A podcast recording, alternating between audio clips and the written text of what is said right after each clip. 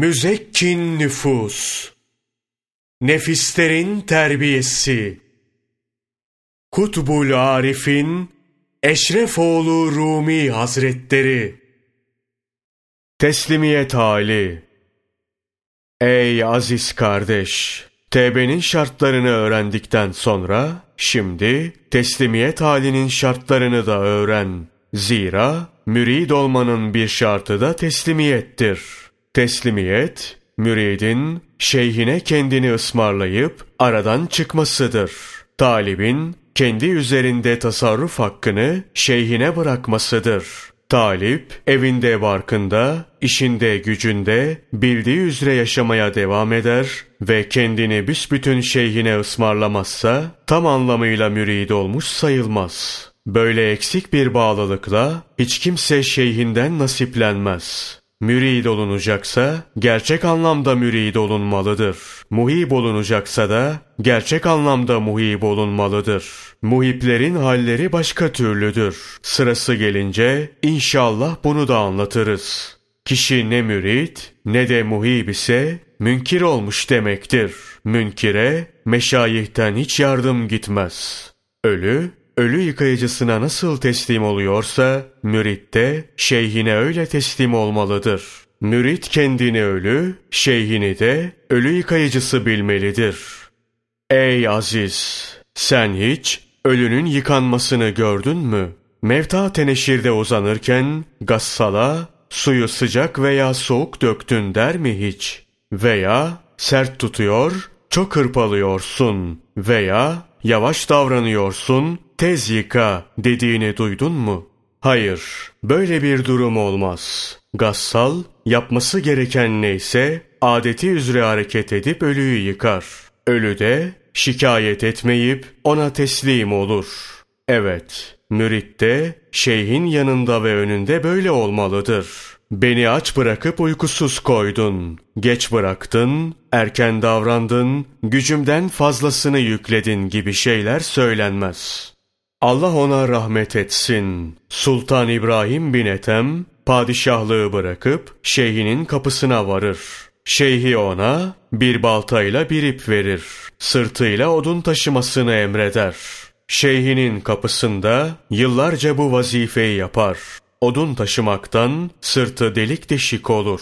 Olması gereken bu. Marifetullah'a talip olan kendini şeyhine teslim eder. Ölünün kendini gassala teslim ettiği gibi. Mürid ölü, şeyh de ölü yıkayıcısı gibi olmalıdır demişler. Azizim, dervişlik denen hal, paklık ve duruluktur. Ecnebilik denen şey de murdarlıktır. Şeyh murdarları tevbeyle yıkayıp temizler. Mürit şeyhe teslim olduğunda şeyh müridi velayet suyuyla yıkayıp üzerindeki ecnebilik cünüplüğünden kurtarır. Bundan sonrası için müride nasıl ve niçin diye sormak kalmaz. Şeyh Safi menakıbında müridin bunu neden yaptın demesi kabul edilmez der. Anlaşıldığı gibi mürit niçin diye sormaz. Şeyhinin üzerindeki tasarruftan hareketle niçin diye sorsa müritliği düşer. Hazreti Musa aleyhisselam ile Hazreti Hızır aleyhisselam kıssasında görüldüğü gibi Musa peygamber aleyhisselam Hızır aleyhisselama teslim olur. Hazreti Hızır aleyhisselam şöyle der. Ya Musa bana teslim olduysan bir şey yaptığımda sakın bunu neden böyle yaptın diye sorma. Nitekim Hak Teâlâ Kur'an'da şöyle haber verir.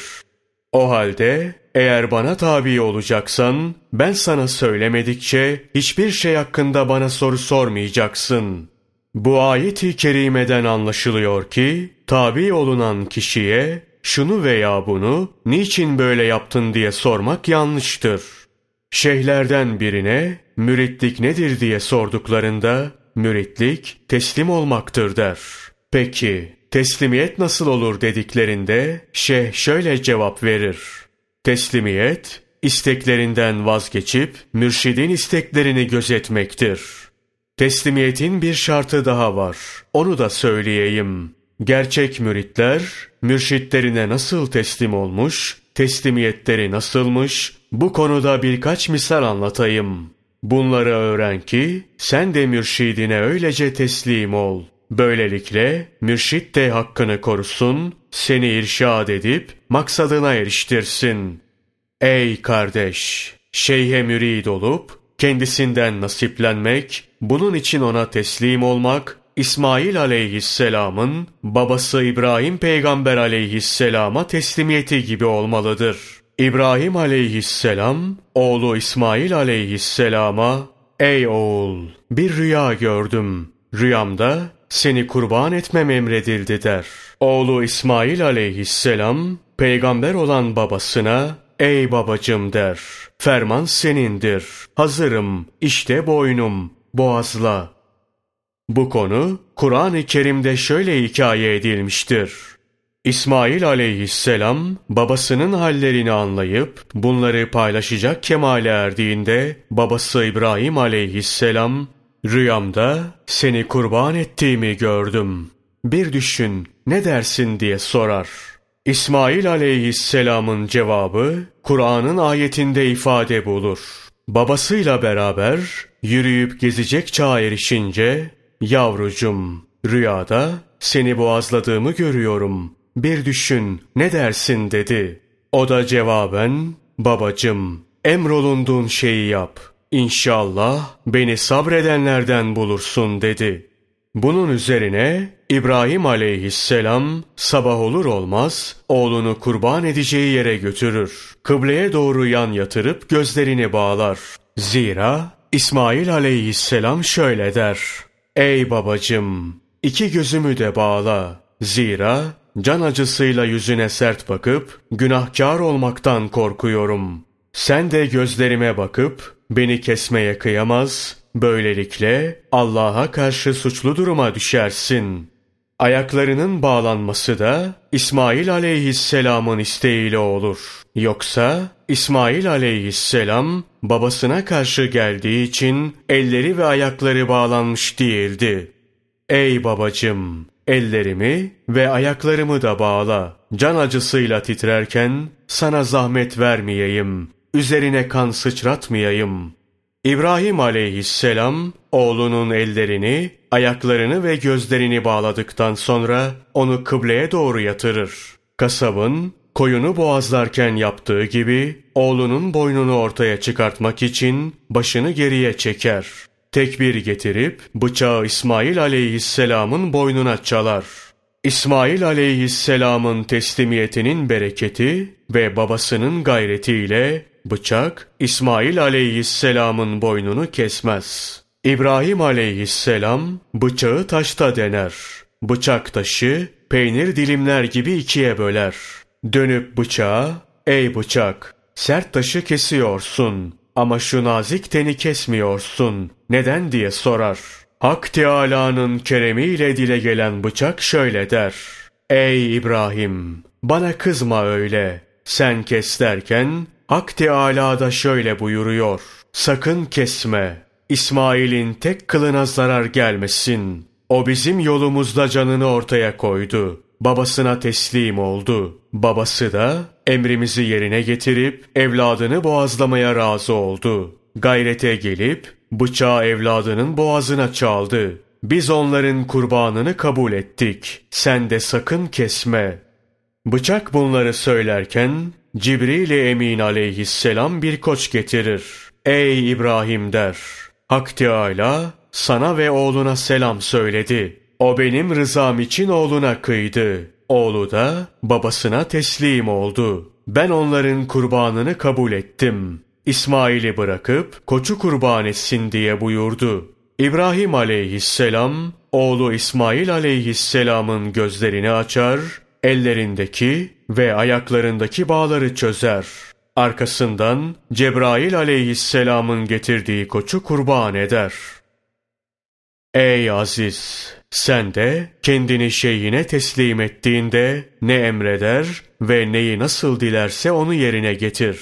Bundan hiç incinme. Şeyhinin istekleri içine genişlik versin. Bunlara karşı sabırlı olmalı ve yerine getirmek için gayret göstermelisin. Sabretmeyip şeyhine karşı şikayetçi olursan kendisinden nasiplenmezsin. Hızır aleyhisselam ile Musa aleyhisselam kıssasında olduğu gibi.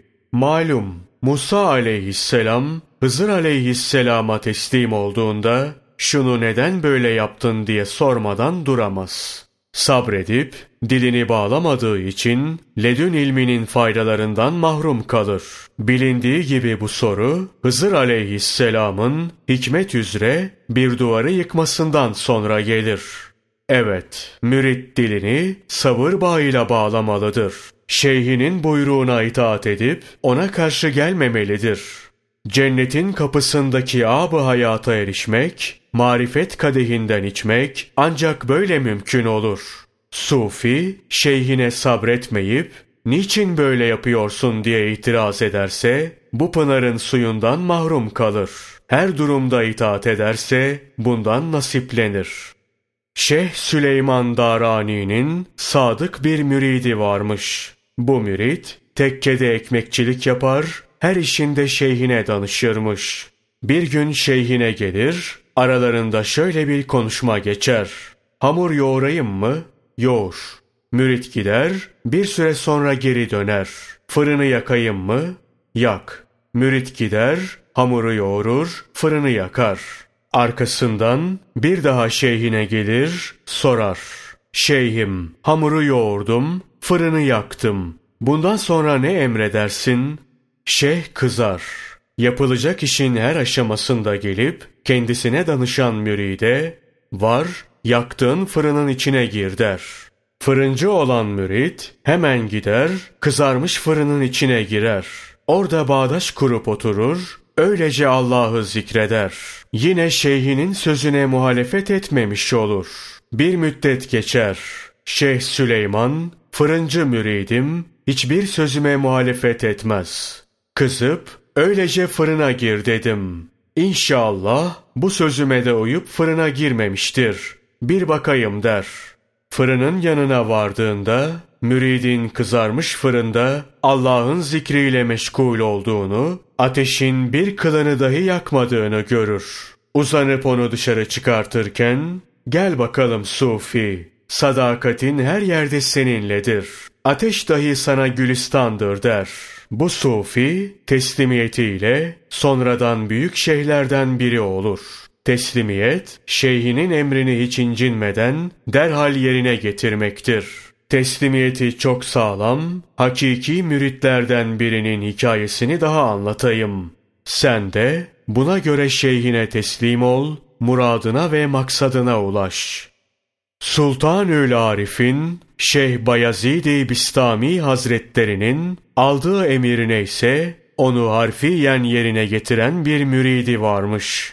Teslimiyeti sağlam bir mürit. Şeyh Efendi bir gün mescitten evine giderken bu müridiyle birlikte yürür. Evin kapısına vardıklarında mürit şeyhinin ayağına kapanır. Şeyhim der, şu kölene de bir himmet buyur. Bu mahcupluktan kurtar beni. Bayezid-i Bistami Hazretleri, sen kapıda bekle. Ben sonra dışarı çıkıp sana himmet ederim diyerek içeri girer. Mürid öylece sessizce kapıda bekler. Evin bir diğer kapısı varmış. Şeyh oradan mescide gidip gelir, müridin beklediği kapıyı kullanmazmış.'' Böyle yedi yıl gibi uzun bir zaman geçer. Bayezid-i Bistami Hazretleri Kuddise sırrıhu bir gün müridin beklediği kapıdan çıkınca müridinin burada beklemeye devam ettiğini görür. Derviş sen hala burada mısın diye sorar. Evet sultanım der mürid. Siz bana bekle sonra çıkıp himmet ederim buyurmuştunuz. Benim sizden gayrı işim mi var?'' Yüz yıl ömrüm olsa ve siz diğer kapıyı kullansanız, ben yine bu kapıda bekler, çıktığınız kapıya gelmezdim. Zira siz bu kapıda bana söz vermiştiniz. Bayezid-i Bistami Hazretleri, Kuddise sırruhu, müridin teslimiyetini beğenip himmet eder. Onu maksadına erdirir.